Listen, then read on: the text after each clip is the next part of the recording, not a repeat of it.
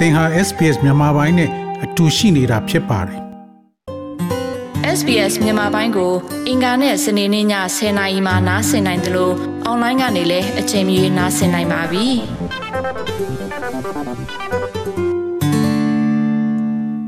Australia ရဲ့ဆေးဘက်ဆိုင်ရာအရာရှိချုပ်ကနိုင်ငံသည်ယခုအခါ Omicron လှိုင်းအထွတ်အထိပ်ကိုကျော်လွန်သွားပြီဖြစ်ကြောင်းပြောကြားခဲ့ပါတယ်။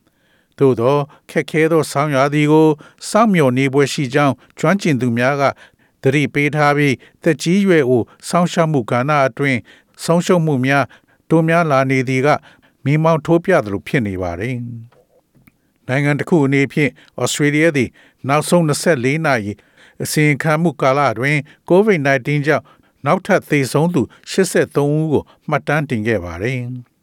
အဲ့ဒါက New South Wales မှာ38ဦး Victoria မှာ34ဦး Queensland မှာ9ဦးနဲ့တောင် Australia နဲ့မြောက်ပိုင်းနယ်မြေတစ်ခုလုံးမှာတဦးစီဖြစ်ပါတယ်။သို့သောဆေးဘက်ဆိုင်ရာအရာရှိချုပ် Paul Kelly ကတိုင်းပြည်သည် Omicron လှိုင်းရဲ့အထွတ်ထိပ်သို့ရောက်နေပြီဟုဆိုတော်လဲဒါကနောက်ဆုံးဖြစ်မှာမဟုတ်ကြောင်းသတိပေးလိုက်ပါတယ်။ We uh, are definitely past our, our, our peak um, in Australia in terms of this Omicron wave.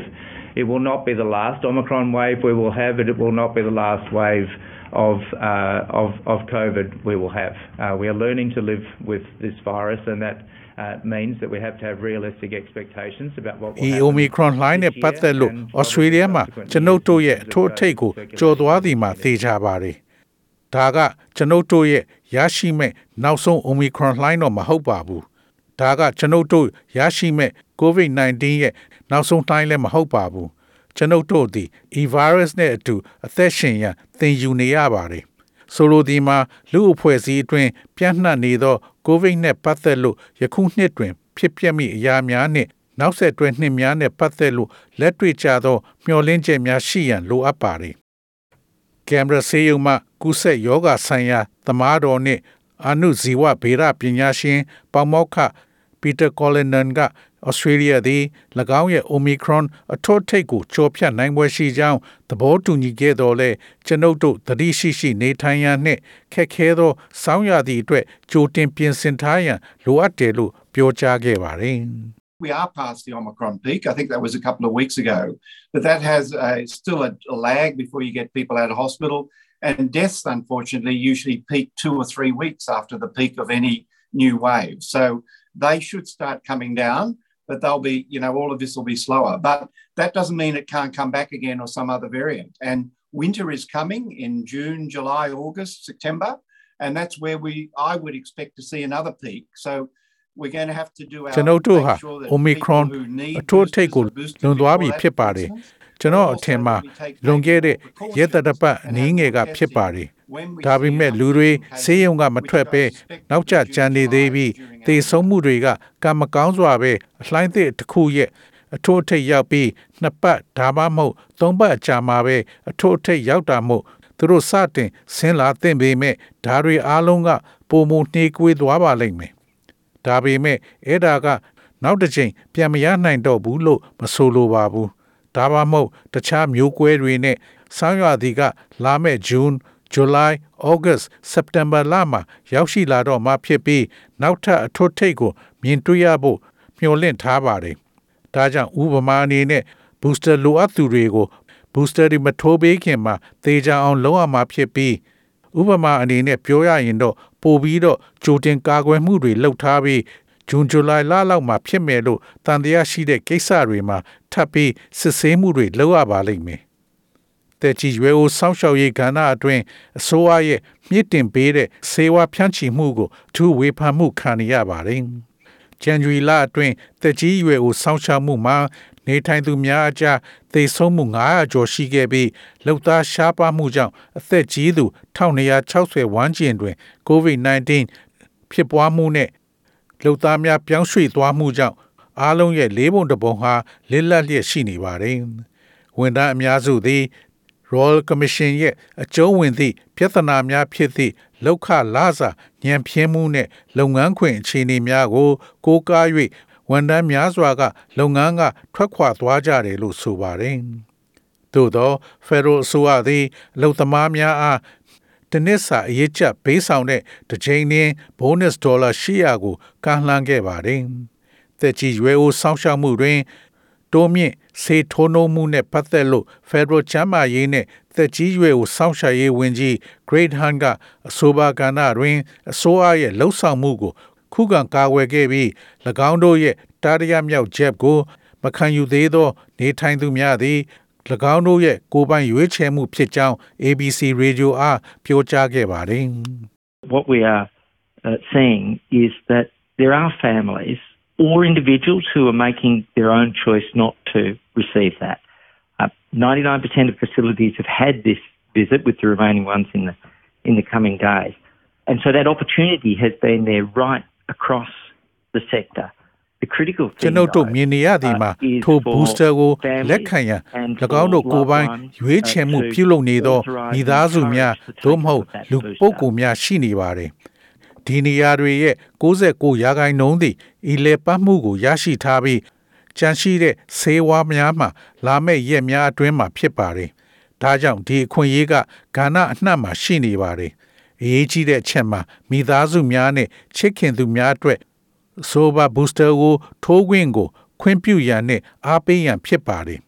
။တဲ့ကြီးရွယ်အိုစောင့်ရှောက်ရေးဂေဟာတွင် နေထိုင်သူများရဲ့သုံးပုံတပုံခန့်လူရှစ်သောင်းကျော်သည်၎င်းတို့ရဲ့ booster shot ကိုမရရှိခဲ့သေးပါဘူး။ Professor Colin မှတက်ကြီးရွယ်ကိုစောင့်ရှောက်ရေးဂေဟာတွင် နေထိုင်သူများသည်၎င်းတို့ရဲ့တတိယတစ်ကြိမ်ထိုးခြင်းကို ပထမအချိန်ရရှိထားတဲ့အုပ်စုထဲများမှဖြစ်သင့်တယ်လို့ဆိုပါတယ်။ people in aged care, most of those people should have been, you know, vaccinated more than six months ago. So more than, uh, you know, time is due for them to get their booster. Um, the one group where there's no doubt that the booster makes a lot of difference are those who are older. Um, people over the age of 60 in, in particular, but anybody in aged care. So they really တက်ကြီးရွယ်အိုစောင့်ရှောက်ရေးဂေဟာရှိသူများအဆိုပါလူအများစုသည်လွန်ခဲ့တဲ့6လကျော်ကကာဝယ်ဆေးထိုးသင့်တယ်ထို့ကြောင့်၎င်းတို့အား booster shot ပေးရန်အချိန်ပိုပေးရမှာပါ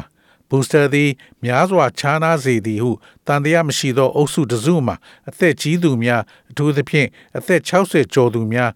ဒါပေမဲ့သက်ကြီးတဲ့ ပြုစုစောင့်ရှောက်သူဘယ်သူမဆိုသုံးပုံတပုံလောက်တကယ်လိုအပ်ပြီးကျွန်တော်တွေ့ဘူးတဲ့အချက်လက်တွေရအသက်80ကျော်သူတွေရဲ့သုံးပုံတပုံလောက်ကဘူစတာဆေးကိုမရရှိကြသေးပါဘူး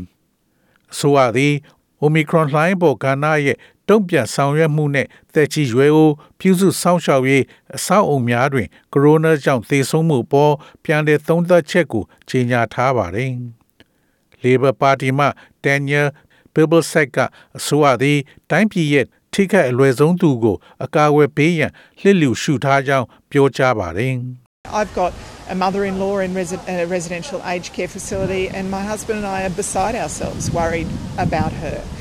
Uh, and the fact that we still have 60,000 aged care residents who haven't had their booster shots now, again, is an utter failure, an utter failure from this government. If we had a minister that was a bit more interested in his day job and a bit less interested in going to the cricket instead of ကျမတို့နေထိုင်တဲ့တက်ကြီးရွယ်ကိုစောင့်ရှောက်ရေးဂေဟာတစ်ခုမှာကျမရောက်ခမတယောက်ရှိပြီးကျမခင်ပွန်းနဲ့ကျမတို့ကိုယ်တိုင်ကလည်းသူ့အတွက်စိတ်ပူနေရပါတယ်ပြီးတော့အခုထပ်ပြီး booster ဆေးမထိုးရသေးတဲ့တက်ကြီးရွယ်ကိုစောင့်ရှောက်ရေးဂေဟာတွေမှာ နေထိုင်သူ6000ရှိသေးတယ်ဆိုတဲ့အချက်က လုံလုံလျားလျားအစိုးရရဲ့ပြက်ကွက်မှုပါဒီအစိုးရရဲ့လုံးဝပြက်ကွက်မှုပါပဲကျမတို့မှာဝန်ကြီးတယောက်ကသူ့အလုပ်ကိုနည်းနည်းစိတ်ဝင်စားပြီးသူလုပ်ပေးရမယ်စားခရစ်ကက်ကိုစိတ်မဝင်စားတဲ့ဝန်ကြီးတယောက်သာရှိရင်ကျမတို့တက်ကြီးရွယ်အိုတွေကိုဖြူးစုစောင့်ရှောက်ပေးနေရသူတွေရဲ့အသက်နဲ့လုံခြုံမှုကိုကာကွယ်နိုင်မယ်လို့ကျမထင်ပါတယ်ပိုကောင်းတဲ့အနေအထားမှာရှိမှာပါ တက်ကြီးရွယ်အိုစောင့်ရှောက်ရေးဝန်ဆောင်မှုဝန်ကြီး Richard Goldbeck သည်ပြီးခဲ့သောလတွင် အထက်လွှတ်တော်ရွေးချယ်ရေးကော်မတီက COVID-19 နဲ့ပတ်သက်လို့ပြုလုပ်တဲ့ကဏ္ဍသို့မတက်ရောက်ဘဲဟိုဘတ်ရှိ Ashes Test Cricket ကို၃ရက်ကြာတွားရောက်ရန်ရွေးချယ်ခဲ့ခြင်းကြောင့်ယာဒူးမှရက်စဲခံခဲ့ရပါတယ်။အားကစားရဲ့ portfolio ကို ကြီးစုစောင့်ရှောက်သောဝင်ကြီးသည်သူရဲ့ဆုံးဖြတ်ချက်ကိုကာကွယ်ပြီးတက်ကြီးရွယ်ကိုစောင့်ရှောက်မှုကာလသည်အကြက်တဲမဟုတ်ကြောင်းနဲ့ Omicron ရောဂါဖြစ်ပွားမှုကိုဆက်လက်လှုံ့ဆော်နေတယ်လို့သူကပြောကြားခဲ့ပါတယ် I'm very careful to balance and acknowledge the different elements of my portfolio uh, and all during that week and including uh, that weekend when the test match was on in Hobart and on the day of the first day of the test match I spent the predominant part of the day working on the aged care outbreak um, in the in the morning of the um, the 14th. Um, the test match in Hobart was a significant event. ကျွန်ုပ်ရဲ့အလုပ်မတူညီသောအစိတ်ပိုင်းများကိုနှစ်ဖက်ညီမျှမှုနဲ့အသိမှတ်ပြုရန်အလွန်တတိထားပါတယ်။အဲဒီစနေတနင်္ဂနွေ Hobart မှာ test match ရဲ့ထိုစမ်းသပ်မှုရဲ့ပထမနေ့တွင် ကျွန်ုပ်ထင်ရှားသောအပိုင်းကိုသုံးစွဲခဲ့ပါတယ်။တက်ကြီးရွယ်အိုပြုစုစောင့်ရှောက်ရေးမှာအလုပ်လုပ်တဲ့နေ့ပါ14ရက်နေ့နနက်မှာဟိုဘတ်တွင်စမ်းသပ်ပွဲသည်တက်စမေးနီးယားအတွက်အရေးပါသောပွဲဖြစ်ပါတယ်။အားကစားဝင်ကြီးအပြင်တက်ကြီးရွယ်ကိုစောင့်ရှောက်ရေးဝင်ကြီးနဲ့အကြီးတန်းဩစတြေးလျနိုင်ငံသားများအနေနဲ့ကျွန်ုပ်သည်၎င်းပြဿနာတစ်ခုအဖြစ်တတိထားမှာဖြစ်ပါတယ်။ Federal ဆိုရသည်ဩစတြေးလျရဲ့ကာဝယ်ဆေးထိုးခြင်းဆိုင်ရာဤပညာအကြံပေးအဖွဲ့ ATAGI ထံမှအကြံဉာဏ်သစ်ကိုအာရုံစိုက်နေပါတယ်။အသက်16နှစ်မှ18နှစ်ကြားဆေကျော်သက်များအား၎င်းတို့ကိုအားကောင်းစေသော booster shot ကိုလက်ခံရရှိရန် ATAGI ကခွင့်ပြုချက်ပေးထားပါတယ်။ နိုင်ငံတော်ဝန်ကចောင်းသားတွေចောင်းပြတ်တဲ့ချိန်မှာအခုလိုခွင့်ပြုချက်ကိုကျေနပ်မိတယ်လို့ Mr. Han ကပြောဆိုပါတယ်။ ATAGI, the Australian Technical Advisory Group on Immunisation, has provided the second green light that's been necessary to make boosters available for 16 to 18 year old Australians. Uh, what that means is that there will be an immediate group of 380,000 ATAGI Australia Technical Advisory Group မှာ Australia နိုင်ငံသားများအသက်16နှစ်မှ18နှစ်အရွယ်16နှစ်အပါအဝင်ဩစတြေးလျနိုင်ငံသားများအတွက် booster shot လိုအပ်သည့်ဒုတိယအကြိမ်မီစိမ်းကိုပြခဲ့ပါတယ်။ဆိုလိုသည်မှာ၎င်းတို့သည် booster shot ရရှိရန်အရေးချင်းပြည့်မီတဲ့ဆယ်ကျော်သက်3,8000ကချက်ချင်းလို့အဖွဲ့တစ်ခုဖြစ်လာမှဖြစ်ပြီး၎င်းသည်ယခုအခါ TGA နှစ်ခုစလုံးကိုဖျက်ဆီးကျော်လွှားခဲ့တဲ့ Pfizer booster ဆေးဖြစ်ပါတယ်။သို့သော Professor Collingnan ကအသက်16နှစ်မှအသက်18နှစ်အရွယ်များကိုဦးစားပေး booster shot များပေးသင့်တယ်လို့ဆိုပါတယ်။ There's data that suggests a booster dose is useful, but it's mainly in people over the age of 50 or 60. And they're the ones that do need it because they should have been vaccinated close to six months ago if they'd been following the original timetable. So that's the group we need to concentrate on. Now, do 16 and 18 year olds need a, need a booster? I don't think we've got enough data to say how much difference that makes. Booster dose သည်အသုံးဝင်တယ်လို့အကြံပြုထားသော data များရှိတော်လဲ၎င်းသည်အဓိကအားဖြင့်အသက်50သို့မဟုတ်60ကျော်သူများတွင်ဖြစ်ပါတယ်။ booster shot လိုအပ်သည့်အသက်အုပ်စုမဟုတ်ကြောင်းပြောကြားခဲ့ပါတယ်။မူလအချိန်စရာအတိုင်းလိုက်နာပါက လွန်ခဲ့တဲ့6လခန့်ကကာဝယ်ဆေးထိုးတင်သောကြောင့်၎င်းတို့သည်လိုအပ်နေသူများဖြစ်နေပါတယ်။ဒါကြောင့်ကျွန်တော်တို့အာယုံစိုက်ဖို့လိုတဲ့အဖွဲ့ပါအခု16ကနေ18နှစ်အရွယ်တွေ booster လိုအပ်နေပြီလား၎င်းတို့သည်၎င်းတို့ကိုယ်တိုင်အတွက်အန္တရာယ်နည်းသောအုပ်စုဖြစ်သောကြောင့်မြင်မြတ်ကွာခြားသည်ကိုပြောရန်ကျွန်ုပ်တို့တွင် လုံလောက်သောဒါတော်တွေရှိတယ်လို့မထင်ပါဘူးသောရရှင်များခင်ဗျာ တင်ဘာသာစကားဖြင့် COVID-19 ဆိုင်ရာအချက်လက်များအတွက် sbs.com.au forward/coronavirus သို့သွားရောက်ကြည့်ရှုနိုင်ပါတယ် SBS သတင်းဌာနကဒီနကွင်းရဲ့ဆောင်းပါးကိုဘာသာပြန်တင်ဆက်ပေးထားတာဖြစ်ပါတယ်ခင်ဗျာ SBS မြန်မာပိုင်းကို အင်ကာနဲ့စနေနေ့ည10:00နာရီမှနားဆင်နိုင်ပါတယ်။နားဆင်နိုင်တဲ့နည်းလမ်းအများကြီးရှိပါတယ်။ Radio Digital TV Online ဒါမှမဟုတ် SBS Radio App ကနေတဆင့်နားဆင်နိုင်ပါတယ်။ SBS မြန်မာပိုင်းအစီအစဉ်ဖြစ်ပါတယ်ရှင်။